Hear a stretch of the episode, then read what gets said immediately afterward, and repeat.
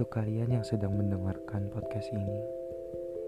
Sesungguhnya kalian beruntung, karena kalian akan tahu setiap manusia memiliki sisi berbeda, dan perbedaan itulah yang membuat kita istimewa.